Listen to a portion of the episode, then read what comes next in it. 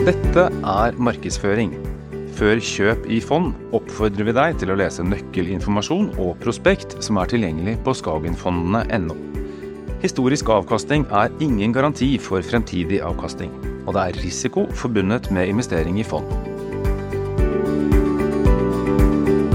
Hjertelig velkommen til webinar med noe så sjelden som et 30 år gammelt fond. For det er om et par uker 30 år siden både Skagen Vekst, som vi skal høre mer fra nå, og Skagenfondet ble startet. Men det er på ingen måte snakk om et gammelt og stivbeint fond, dette her. Som vi snart skal få se, så er det fortsatt vind i seilene til Skagen Vekst. Og med det så gir jeg ordet til deg, Søren. Vær så god. Mange tak, Ole Christian, og igjen uh, velkommen til alle som er med i dag. Så vi vil starte med å se litt på avkastningen, før vi går igennem de vigtigste ændringer i fondet så langt i år, og slutte litt av med å si om utsiktene for Skagen Vækst og aksjemarkedet generelt. Men bare før vi starter, så en reminder på hva Skagen Vækst er. Altså, vi er et nordisk fokuseret fond, Derfor er vi vant som minimum have 50% af fondet investeret i Norden, og det vil sige selskaber, som opererer under stabile rammevilkår. Altså stabilt politisk miljø, stabil regulering og typisk med god selskabsledelse. Vi har så muligheden for at gå uden for Norden med de resterende 50%. Men grundtanken er, at vi kun gør det, hvis vi kan finde en eksponering, vi ikke finder på hjemmemarkedet, eller hvis vi kan finde den samme eksponering til en bedre pris. Og som Ole Christi nævnte, så er fondet forvaltet af Sondre og mig, så jeg har været hovedforvalter for Skargo Vækst siden 2018, og fik så Sondre som medforvalter for præcis et år siden. Men vigtigt at pointere her, at Sondre og jeg har jobbet sammen i Skargo de seneste 10 år. Men en ting, som ikke har ændret sig de sidste 30 år, det er selve idégrundlaget bag Scanvækst. Og som man kan læse her, så havde Kristoffer Stensrud bare et mål, da han startede fondet, og det var at skabe bedst mulig afkastning. Så det var det eneste mål i 1993, og det er det eneste mål, vi har i dag. Og vi er fornøjet med, men også stolte over at have leveret på det mål specielt de sidste tre år, hvor vi har opnået en årlig afkastning på 18 procent. Men som man kan se her, altså uanset hvilken tidshorisont man ser på, så har fundet leveret over 10 procent i året. Og som man ser helt til højre her, altså en årlig afkastning på 13 procent siden start. Og så man skal huske, altså de fleste eksperter siger, at man skal forvente et afkast på 6-7% for aktiemarkedet. Så hvis vi kan fortsette med at levere det dobbelte av det, de næste 30 årene, så vil vi være meget tilfredse. Årsagen til, at vi vil være fornøyd med 13% årlig avkastning, det kan man se på grafen her. Så i lysegrønt ser man det akkumulerede avkast i Skakken Vækst siden 1993. Og som man kan se her, så andelsejere, som har været med fra start, har fået et samlet afkast på over 4.200 procent. Så det vil altså sige, 100.000 investeret i 1993 er blevet til over 4,3 millioner i dag. I mørkegrønt, der har man udvikling i referenceindeksen for samme periode, og som man kan se, har fået et fornuftigt afkast på 2.000% Men igen, der man investeret 100.000 i indeks tilbage i 1993, så har man så haft over 2 millioner mindre, end hvis man havde investeret i skarnvækst. Og det er kun på den lange tidshorisont, at fondet har leveret solid afkastning. Den lyseblå grafen her viser afkastet i skarp Vækst seneste tre årene, og afkast for referenceindeks i mørkeblå. Og som man kan se, så har fondet leveret et afkast på over 60%, som også er et betydeligt mere afkast i forhold til det generelle marked. Og vi ser et tilsvarende billede målt i forhold til andre nordiske fonde, Så igjen her har man avkastet i Skarpen Vækst i lyseblå seneste tre årene, og i svart har man det gennemsnitlige afkast for vores nordiske konkurrenter. Og det man ser, det er, at vi især har gjort det bedre i de perioder, hvor markedet har det vanskeligt. Så man ser det veldig tydeligt her i 2022, og igjen her i den svarte periode, markedet har det etter sommeren i år. Og som man kan se, så er udslaget over tre år ganske kraftigt. Altså vi har leveret et afkast, som er over fem gange højere end det gennemsnitlige afkast for vores nordiske konkurrenter.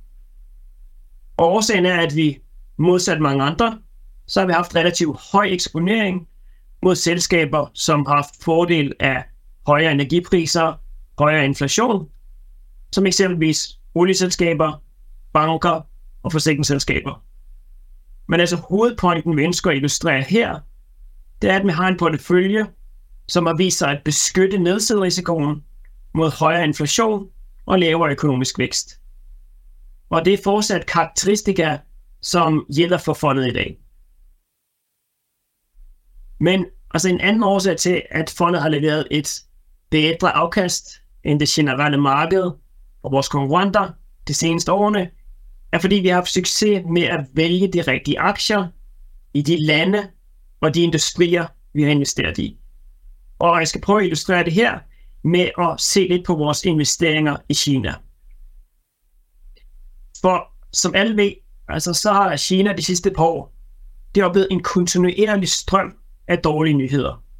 Og så husk på langvarige nedstængninger på grund af covid, kollaps i ejendomssektoren, handelskrigen i USA, frygt for invasjon av Taiwan, og bare generelt dårlige tal for makroøkonomien. Og det har naturligvis hatt en effekt på det kinesiske aksjemarkedet, som man kan se her, for perioden siden 1. januar 2022, altså vækst har leveret et avkast på 14%, indeksen er opp 5, mens Kina har falt 13%.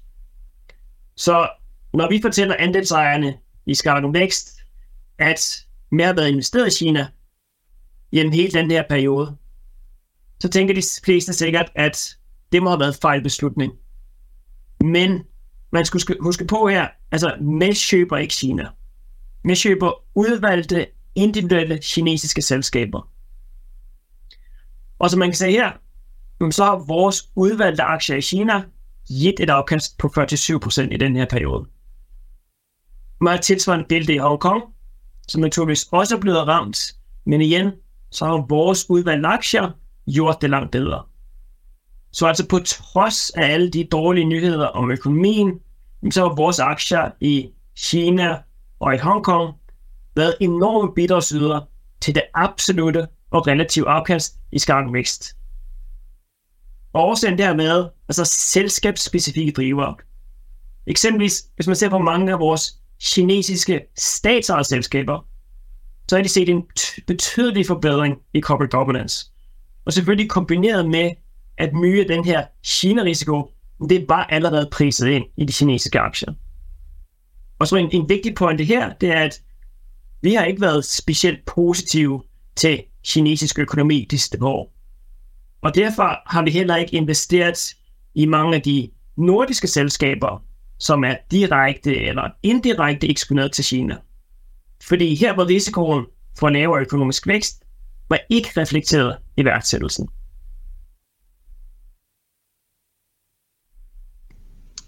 Yes. Da skal jeg eh, ta over stafettpinnen litt eh, og snakke litt mer om avkastningen her. Her eh, ser vi avkastningen eh, til Skagen Vekst så langt i år. Eh, dekomponert på de, de, beste og dårligste bidragsyterne. Og, og, det som jeg er veldig fornøyd med, det har vært en god avkastning så langt i år. Dette tallet ved utgangen av oktober. Da har fondet opp en 18 og eh, nå eh, i dag så er fondet opp over 21 eh, Så det vi er veldig fornøyd med, er at eh, det er mange selskap som har gjort det godt i år. Eh, så det er en brei, brei god, eh, god, prestasjon. Og, og, de største posisjonene våre har gjort det veldig godt. Som du ser her, gjennomsnittlig vekt i fondet står i parentes under navnene på den grafen her. Og da ser vi at de store selskapene har gjort det godt. Samtidig så er det jo noen som har gjort det dårlig, men vi er fornøyd med at de som har gjort det svakt, har ikke gjort det ekstremt svakt. Det har ikke vært noen sånne skikkelig dårlige, dårlige selskap i år. Og, og, hvis vi ser litt nærmere på de som har gjort det svakt, så har det vært dårlig sentiment rundt en del av de aksjene, f.eks. Bonheur og ISS her. Eh, men når vi ser på det fundamentale, som er det viktigste for oss, så har eh, selskapene levert godt. Eh, og egentlig levert bedre og bedre resultat etter hvert som året har gått. Og, og, da har vi brukt muligheten til å kjøpe mer i de selskapene, akkurat sånn som vi sier vi skal gjøre. Vi er jo opptatt av det kontrære, det har sikkert de fleste hørt at vi snakker om. Eh, og hvis vi ikke ser at det fundamentale endrer seg, så eh, benytter vi muligheten til å kjøpe når eh, selskapskursen går svakt. Det samme har vi gjort med de andre svake selskapene her. Og bare spesifikt på Tilbake igjen til de som har gjort det godt, så ser vi som Søren var inne på, det er to kinesiske selskap her. Refta har snakket om, China Mobile og, og Sinok, som har levert gode tall. Eh, og, så ser du jo Novo Nordisk som skiller seg eh, klart ut her. Det er jo den største posisjonen i, i fondet vårt. Så, så, det gjør at eh, når den går godt, så blir det et veldig stort bidrag. Den aksjen har gått eh, veldig bra. Da. Selskapet har levert eh, avkastning på rundt 50% så langt i år. Og, og, sånn kjapt, for de som ikke kjenner selskapet, så er jo Novo Nordisk et dansk selskap, så, er verdenslederne på diabetesmedisin. Eh, de produserer halvparten av all insulin i verden, faktisk. Så det er en veldig god business. Men det som virkelig har drevet aksjekursen de siste årene, er jo at de har kommet med en ny medisin som eh, eh, hjelper veldig godt mot fedme, eh, som alle vet er et stort problem i mange land. Og etterspørselen etter den medisinen er, er helt uh, vanvittig. og Det er egentlig bare selskapet sin, sin, produksjonskapasitet som setter begrensninger på den inntjeningsveksten de har, uh, har eh, akkurat nå. Eh, så, så, der er det gode muligheter for fortsatt eh, vekst. Så hvis vi tar neste slide og tenker litt mer relativt, så, så er vi òg godt fornøyd med den relative avkastningen vi har levert i år. Ved utgangen av oktober så var vi ja, litt under 1% foran, foran referanseindeksen. Uh, og, og, når en ser på avkastningen som en får, så er det lett å tenke at uh, ah, ja, det er mange aksjer som har gått bra i år. Men, men det vi forsøker å vise med denne sliden her, er at uh, hvis du dekomponerer de, de, forskjellige indeksene og ser på hva som faktisk har drevet avkastningen, så er det veldig veldig få aksjer som har drevet den gode avkastningen på, på de store aksjemarkedene. Til venstre her så ser det en amerikansk eh, eh indeks som heter SNP 500, som er eh, de 500 eller det er 500 av de største selskapene i USA. Og Den indeksen har gitt nesten 11% avkastning i utgangen av oktober. Men tar du da ut de sju beste selskapene, så ser du at resten av eh, markedet har eh, gitt eh, null. Eh, og, og, det er jo sånn at de, de sju selskapene det er de velkjente teknologiselskapene. Det er Microsoft, Apple, Amazon og, og Tesla og, og, Google. Og av de så er det jo bare Google vi har hatt eh, og har eksponering mot. Eh, samme bilde ser du hvis du ser på den nordiske indeksen. Eh, her er det MSCI sin nordiske indeks. Eh, hele indeksen har gitt ca. 5 men tar du ut Novo Nordisk, som vi snakket om i stad, så, så, er markedet ned. Og, og, nå har vi stor eksponering mot Novo Nordisk, men vi er faktisk eh, undervekta i forhold til den indeksen, selv om vi har 9 i, i, i, eh, fondet. Så uh, gitt at vi enten har vært undervekta eller vi ikke har i det hele tatt vært investert i de selskapene som virkelig har uh, dratt avkastning på, på indeksene i år, så er vi veldig godt fornøyd med å, å holde såpass godt følge med, med referanseindeksen. Da kan vi ta neste slide og hoppe litt og se på de endringene vi har gjort i det siste. Her har eh, han bare lista opp eh, litt eh, tematisk de endringene som vi har gjort de siste kvartalene. Vi har fra toppen av tatt litt gevinst i en del IT-selskap. Her eksemplifisert med Broadcom og Alphabet. Alphabet er jo morselskapet til Google, som alle kjenner. De selskapene har levert gode resultat, men jeg har òg uh, fått veldig god, uh, god medfart uh, oppover pga. Uh, den store hypen som det egentlig har vært rundt kunstig intelligens, eller AI, som det står her. Og, og det er ikke tvil om at både Alphabet og, og Broadcom har eksponering mot kunstig intelligens. Men, men, det er klart at den store inntjeningen fra kunstig intelligens vil nok ligge litt lenger fram i tid. Så når aksjene nå har gått såpass kraftig i år, så, så syns vi det er fornuftig å, å, ta noe gevinst på det. Så vi har solgt litt der, men vi har fremdeles eh, eksponering. Det andre vi har gjort, er at vi har eh, økt investeringene våre i en del koreanske selskap. Eh, de investeringene vi har der, de er, er stort sett investeringer i, i gode selskap som, som, tjener godt på penger og, og har en god kontantstrøm. Uh, mens utfordringen i Korea er at selskapsstyringen er gjerne ikke helt uh, på topp. Og, og, helt sånn enkelt sagt så betaler ikke de selskapene ut like mye til aksjonærene som det de kunne ha gjort. Og det, og det gjør at selskapene er ganske billige. Uh, men nå tror vi at det er gode utsikter for at det her kan endre seg, og det er bl.a. drevet av at det er lokale aktivistinvestorer som uh, nå jobber for å legge press på disse selskapene til, til å uh, få en bedre selskapsstyring og betale ut mer til aksjonærene. Og Det er et arbeid som vi, også støtter opp uh, om det. Så da har vi økt litt i det. Så har vi gjort litt eh, endringer på de eksponeringene vi har mot grønn energi. Da hadde vi et selskap som heter Seaway 7, som er et selskap som driver med driver skip som installerer vindmøller til havs. Eh, det var en liten eh, investering som ble kjøpt opp av morselskapet sitt, Subsea 7. Eh, og da når det selskapet forsvant ut av fondet, så kjøpte vi inn i ett selskap som driver med tilsvarende forretning, som heter Eneti, et amerikansk selskap. Som igjen nå er i ferd med å bli kjøpt opp av et tredje selskap som heter Cadler, som også driver med det samme. Og det, det markedet for skip som skal installere offshore vindmøller, det er et veldig sånn nisjemarked. Det er få skip. Det er snakk om noen og tjue skip i verden som kan gjøre det her. Og, og, de som har fulgt med på egentlig alt som har med det grønne skiftet å gjøre, de vet at eh, offshore vindmøller er en vanvittig stor satsing. Eh, sånn at det ligger veldig til rette for at dette markedet kan bli stramt. Det er vanvittig mange vindmøller som skal installeres, og da eh, har disse selskapene en veldig, veldig god posisjon, som jeg tror at eh, ikke er prisa inn eh, sånn som det ser ut i dag.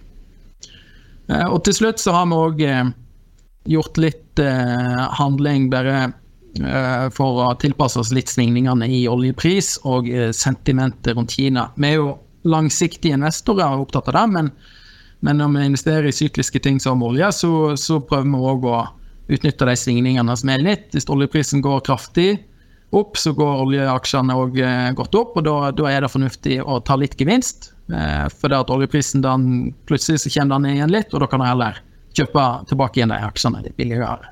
Eh, Samme med Kina. Plutselig så er det vanvittig dårlig stemning eh, i avisene rundt Kina. og Da, da får aksjene skikkelig stryk. Da, da, kjøper vi gjerne litt, og så eh, kan vi heller selge litt når, når, når de går opp igjen. Så det er det vi har gjort sånn overordna. Så skal jeg snakke kjapt om den aller nyeste investeringen vi har gjort. Det er et selskap som heter Bakkafrost. Et selskap som sikkert en del kjenner til. Det er en av de største lakseoppdretterne i, i verden. Det er notert på Oslo Børs, men uh, som, som, et av få lakseoppdrettsselskap så er det ikke basert, eller har ikke hovedbasen sin i Norge. Det er, er basert på Færøyene og, og har hovedsakelig oppdrett på Færøyene. Det er et selskap som driver med alt innenfor lakseoppdrett. De produserer fôr og gjør alt helt fram til laksefileten kommer i butikken. Og eh, som du ser av grafen eh, her nede, eller stolpediagrammet, så er de helt uh, bransjeledende når det kommer til operasjonelle resultat. Her er illustrert med gjennomsnittlig driftsmargin siste ti år. Der du ser at Bakkafrost og SalMar er helt i en klasse for seg sjøl. Eh, og Bakkafrost er da aller best. Og eh, Hovedgrunnen til det er én at selskapet er flinke, det er ikke tvil om det. De har et eh, veldig effektivt oppsett på Færøyene. Og i tillegg så har de veldig gode lokasjoner. Færøyene er en eh, fantastisk plass å drive lakseoppdrett, som gjør at selskapet har lite dødelighet. Eh, og de får en veldig stor fisk, som igjen gjør det en veldig god pris når de skal, skal selge fisken. Så har selskapet ganske nylig, i 2019, utvida til Skottland. Kjøpte opp en virksomhet der som eh, egentlig er en ganske dårlig, dårlig kvalitet på den virksomheten. Eh, men det er noe, noe selskapet jobber med å da snu rundt og, og forbedre. Så Det gjør at eh, Bakkafrost har eh, en ganske godt vekstpotensial, da både i Skottland, men, men faktisk òg på Færøyene har de ganske gode vekstplaner. Og det, det, er ganske mye verdt hvis du ser på, ser på tilbudssida sånn totalt sett på laks, så er det, er det forventa ganske lite vekst framover. Det er fordi at det, det, er en del biologiske begrensninger som gjør at en ikke kan vokse så mye her, og det er veldig strengt regulert hvor mye bransjen som helhet får lov å vokse. Så, så hvis det da er et selskap som har mulighet til å vokse, så, så er det verdt en god del.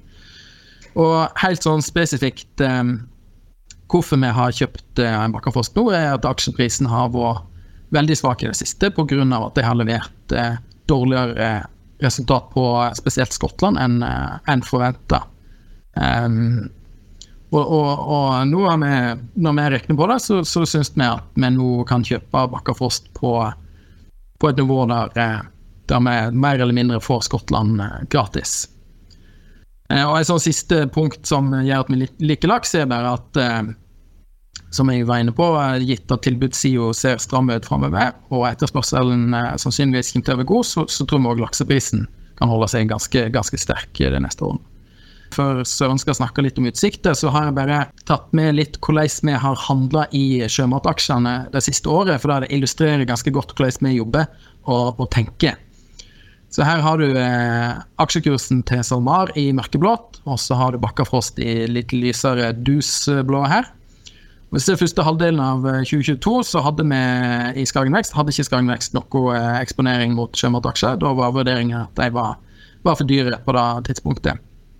Eh, så kommer du rett rundt oktober, september-oktober, rett før jeg begynte på Skagen Vekst, så kom den norske regjeringen med et ganske overraskende forslag om grunnrenteskatt på 40% på lakseoppdrett.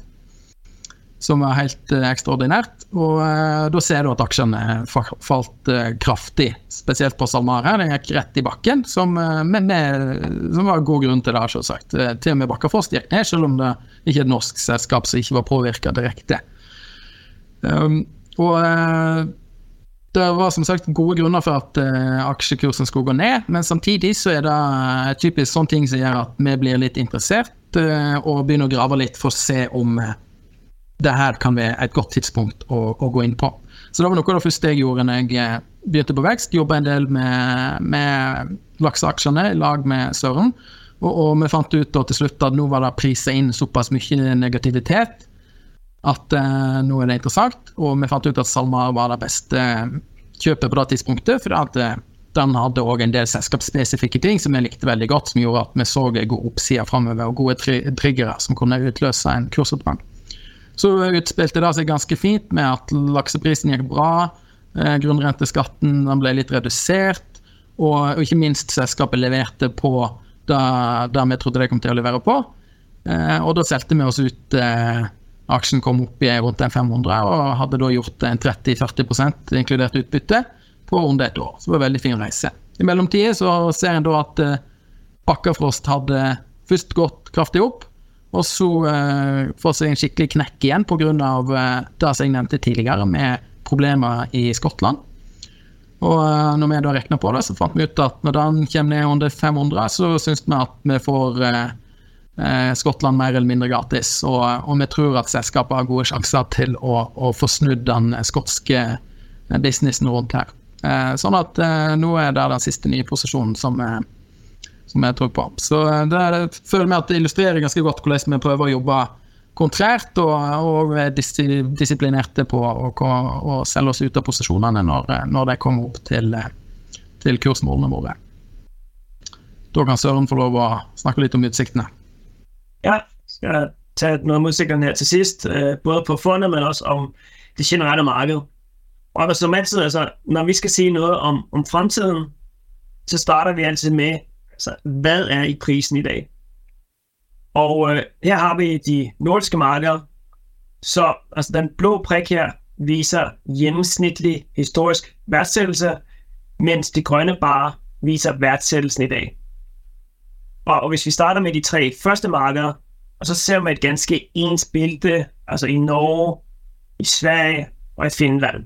Altså hvor den nuværende værdsættelse er lidt lavere end det historiske snit. Og altså, det mener jeg er helt rigtigt. Uh, man skal huske på, at man har et investeringsklima med højere rente, og der er også mye, som tyder på, at den økonomiske væksten skal aftage. Og så bør værdsættelsen også være lavere. Så sige, den gode nyhed, det er naturligvis, at det betyder, at en del af de bekymringer, som investorerne har i dag, de er allerede priset ind. Ser vi så på det danske marked, så er situationen helt omvendt. Men altså, det skyldes i høj grad øh, Novo Nordisk. Som Sondre nævnte, selskabet har haft en helt fantastisk rejse med sin fedmemedicin. Og det er klart, det har øget værdsættelsen. Og i et, hvor stor Novo er af det danske marked, jamen så er det drejet op værdsættelsen af hele markedet. Og den her Novo-effekt, øh, det er også med til at forklare, hvorfor, hvis man ser på det brede nordiske indeks, jamen, så handler det også til en liten præmie i forhold til historien. Men altså, jeg vil sige, generelt, så handler nordiske aktier til en rabat i forhold til historien, og det synes vi også, at de gør, bør gøre øh, i det nuværende investeringsklima. Ser vi så på resten af verden, øh, så viser grafen her, altså den nuværende værdsættelse i den orange prikken, og så den historiske værdsættelse i mørkeblå her. Og hvis vi starter med alle landene uden for USA, så ser vi også her, at stort set alle regioner, altså det handler generelt til en rabat i forhold til, hvad vi har set historisk. Men ser vi helt til venstre her, så kan man det ser helt anderledes ud i USA. Altså, det amerikanske aktiemarked har kun været så højt priset ganske enkelte gange i historien. Og det er klart, mye skyldes en veldig høj værdsættelse af de store amerikanske tech-selskaber, som også Sondre var inde på. Men altså, selvom at man tager bort dem, så man kan se her, jamen så resten af det amerikanske marked, vel at mærke som det eneste marked i verden, er fremdeles styre i dag, end det vi har set historisk. Og det er også forklaringen på, hvorfor verdensindekset ser lidt dyr ud i forhold til historien. Så vil sige, konklusionen er, det globale aktiemarked ser egentlig ganske dyrt ud. Og det er specielt i, set i relation til, at med et miljø med relativt høje renter. Men det skyldes altså udelukkende et vældig dyrt amerikansk marked. Resten af verden handler på en helt anden og mye mere fornuftig værdsættelse. Men det har naturligvis implikationer for, hvordan skal en vækst er investeret. Som man kan se her, så med ganske begrænset eksponering til det amerikanske marked, og vores eksponering er hovedsageligt gennem vældig attraktivt værdsat finansaktier, som som Citigroup og AIG. Tilsvarende så har med en ganske betydelig eksponering til vækstmarkederne, som vi synes ser vældig attraktivt prisfastsat ud, men igen her med ekstremt selektive, så vi finder eksempelvis vældig mange undervurderede selskaber i Korea og i Kina, mens vi ikke har nogen eksponering til India, som vi synes ser meget dyrt ud. Og fordi vi har en så anderledes på en følge, så har Skakken Vækst også helt andre karakteristika end det generelle marked. Så uanset om man kigger på værdsættelsesmål, såsom pris i forhold til indtjening, eller pris i forhold til bogført egenkapital, så handler vores portefølje til en betydelig rabat i forhold til det generelle marked. Tilsvarende ser man, at Skarno Vækst giver et betydeligt højere direkte afkast. Og helt til højre her, der kan man se, at vores selskaber i gennemsnit har lavere hjælp, end det man har i det generelle marked. Og det er klart, det er noget, vi er ekstremt optaget af, specielt i det nuværende miljø med højere rente, højere usikkerhed omkring den fremtidige økonomiske væksten. Til sidst bare en, en kort opsummering. Altså som jeg viste, Skarpen Vækst har leveret solidt, absolut og relativ afkastning de seneste 30 årene. Fondet har vist god nedsidebeskyttelse mod risiko for højere inflation og frygt for lavere økonomisk vækst, og fondet er fremdeles godt positioneret mod dette. Som sådan nævnte, så har vi reduceret vores eksponering til IT-selskaber relateret til kunstig intelligens, som har gjort det ekstremt godt i år. Og i stedet har vi købt os op i billige koreanske selskaber, kunne vi se et stort potentiale på bedre kapitalallokering.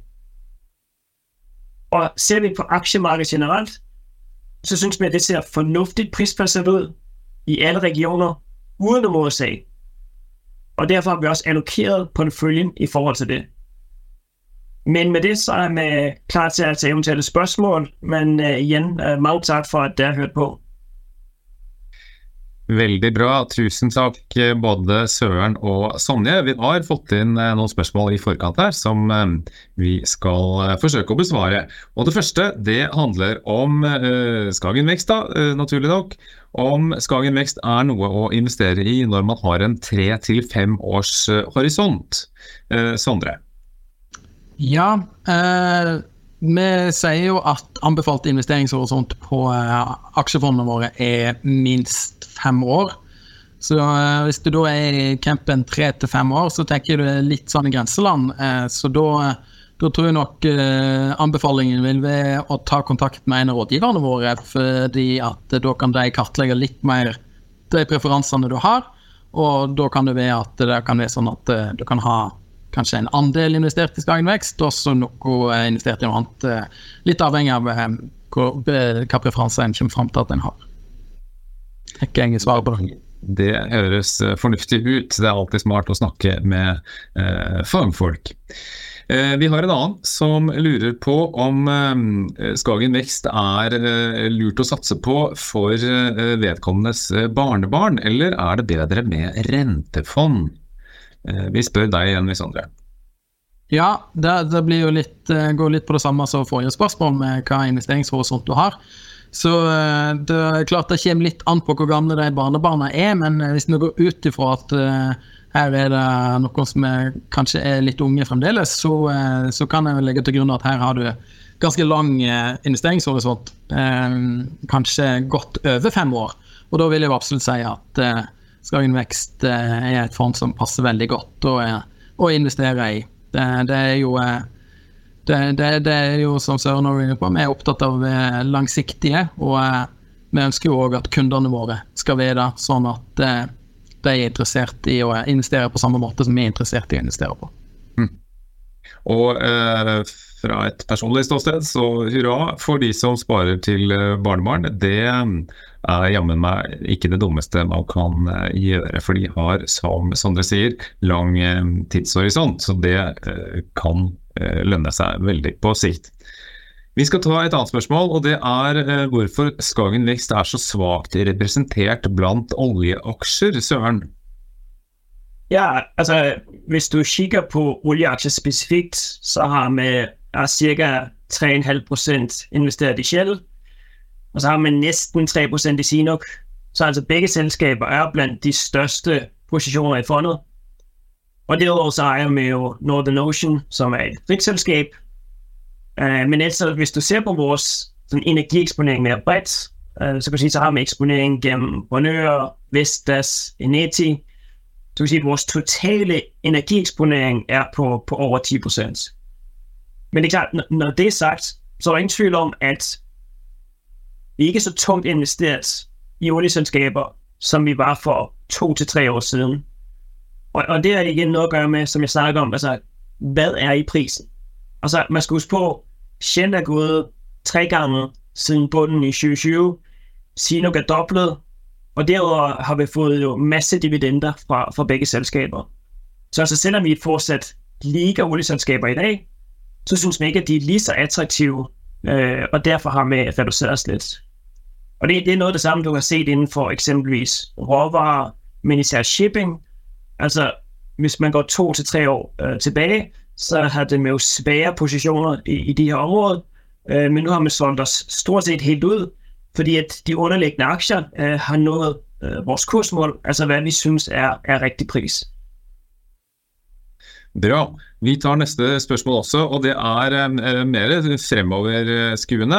Eh, hvilke sektorer og industrier tror dere er mest, eh, eller er dere mest positive til på kort og lang sikt? Ja, altså, selv selvom vi har redusert oss som fortsatt uh, veldig positive til, til energi og herunder også oljesektoren. Altså man ser jo fremdeles at selskapene er tilbakeholdne med å investere i ny kapasitet, og derfor ser vi fremdeles et ganske stramt oljemarked fremover.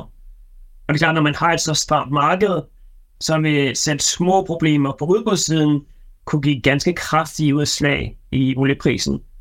Så et åbenlyst eksempel der, og hvis den nuværende konflikt i, i Midtøsten eksempelvis eskalerer. Men altså andre sektorer, så tror jeg, jeg vil fremhæve øh, finanssektoren, og specielt bankerne. Altså bankerne er fremdeles ekstremt billige, og markedet har slet ikke priset ind de forandringer, man har set de sidste 10 årene. Altså for det første er bankerne blevet langt mere profitable, men jeg tror endnu vigtigere, så er bankerne er mye mere solide i dag. Altså dels tager de mindre risiko, end de gjorde før finanskrisen, men derudover så skal man huske på, at de har langt mere kapital til at modstå eventuelle problemer. Og også den her kombination øh, med højere profitabilitet, øh, lavere risiko, er slet ikke prisen i dag, etter etter vores Bra. Så har vi fått inn et spørsmål her. Det er Jørgen som lurer på om eh, undervekten som Skagen Vekst har da, i IT-aksjer, om ikke det da kunne være interessant å vurdere f.eks. Han nevner flere selskaper, men jeg trekker fram Eriksson. Om det kunne vært et selskap som dere kunne vurdere Uh, ja, det er et godt spørsmål. Og, og svaret på det er at vi har jo uh, For ikke så veldig uh, mange måneder siden så har vi jo kjøpt Nokia, som er et selskap som driver med mye av det samme som Eriksson driver med.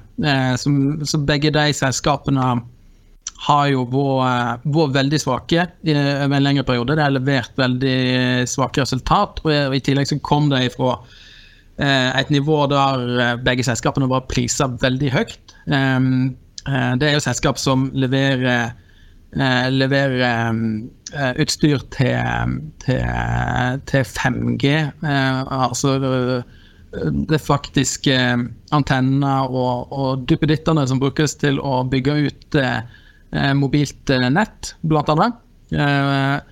og det var veldig mye fokus rundt det for noen år siden, og de aksjene ble prisa veldig på at det her skal gå helt til himmels. Og så har det bytta litt imot, og nå er aksjeprisene kommet veldig ned på begge to. Uh, og vi gjorde en vurdering og fant ut at vi foretrakk Nokia uh, framfor Eriksson uh, for den eksponeringen. Og det er drevet en del av at Nokia er litt mer diversifisert. Det har litt flere bein å stå på. Eh, og I tillegg så har eh, Eriksson hatt en del utfordringer på, på kall det selskapsstyring som, og ESG, som, eh, som, har vært en del spørsmålstegn rundt, som vi heller ikke likte helt. Og, og, og samtidig har de òg vist seg litt mer slepphendte med kapitalallokering, i den forstand at de har brukt veldig mye penger på å kjøpe ny teknologi som har vist seg å ikke, ikke være så veldig, veldig bra. Eh, Nokia eh, de eh, utviser litt mer finsk konservativisme og forsiktighet, og det, det liker vi ganske godt. Så nå, nå er det, Nokia er veldig billig akkurat nå, um, og, og, er en posisjon som jeg tror kan, tror kan, kan bli bra, bra framover. For det, kreves fremdeles ganske mye utbygging av, av nettverk hvis vi fremdeles skal fortsette å bruke mer og mer data, og uh, det skal bli uh, kunstig intelligens overalt. Så er det bare å bygge på altså, det, det er klart at vi har ikke mye eksponering til de her helt store amerikanske IT-selskaper, men vi har en ganske uh, solid eksponering til IT generelt. Uh, vi har det bare gennem andre typer selskaper som har en helt annen verdsettelse. Um, altså, vi, vi er veldig positive til de ting, vi ser omkring kunstig intelligens, men øh, jeg synes bare, vi har, har spillet det her på en lidt mere intelligent måde, så der er eksempelvis stor eksponering gennem Samsung Electronics. Altså, skal passe på, at det ikke bliver for teknisk, men når du bruger kunstig intelligens i serverpakker, øh, så, så trænger du også mye mere minde eksempelvis. Øh, og det vil sige, det er jo noget, som på sigt vil være øh, veldig positivt for, for et selskab som Samsung Electronics, men også hvis man går længere ned i værdikæden, så har man eksponering gennem Applied Materials, som jo øh, laver de her maskiner, der bliver brukt til at opproducere minde. Så altså, vi har et ganske stort rør, omkring 15 procent af fondet, som er investeret direkte i, i IT-selskaber. Bra. Det er vel foreløpig lite som tyder på at vi er ferdig med både kunstig intelligens og annen teknologi. Um, så, så, det kommer nok til å være tech-selskaper i porteføljene en god stund uh, fremover. Jeg skal si tusen takk til både Sondre og Søren. Og mindre om at hvis dere har flere spørsmål til enten Skagen Vekst eller noen av de andre fondene våre, så ta kontakt med oss, og så skal vi hjelpe å svare så godt uh, vi bare kan. Og med det så takker jeg for i dag og sier uh, Tusen takk til deg som hørte på.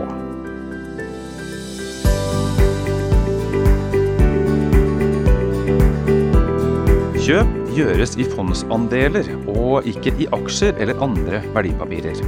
Du finner informasjon om kostnader, investorrettigheter og hvordan Skagen jobber med bærekraft på vår hjemmeside.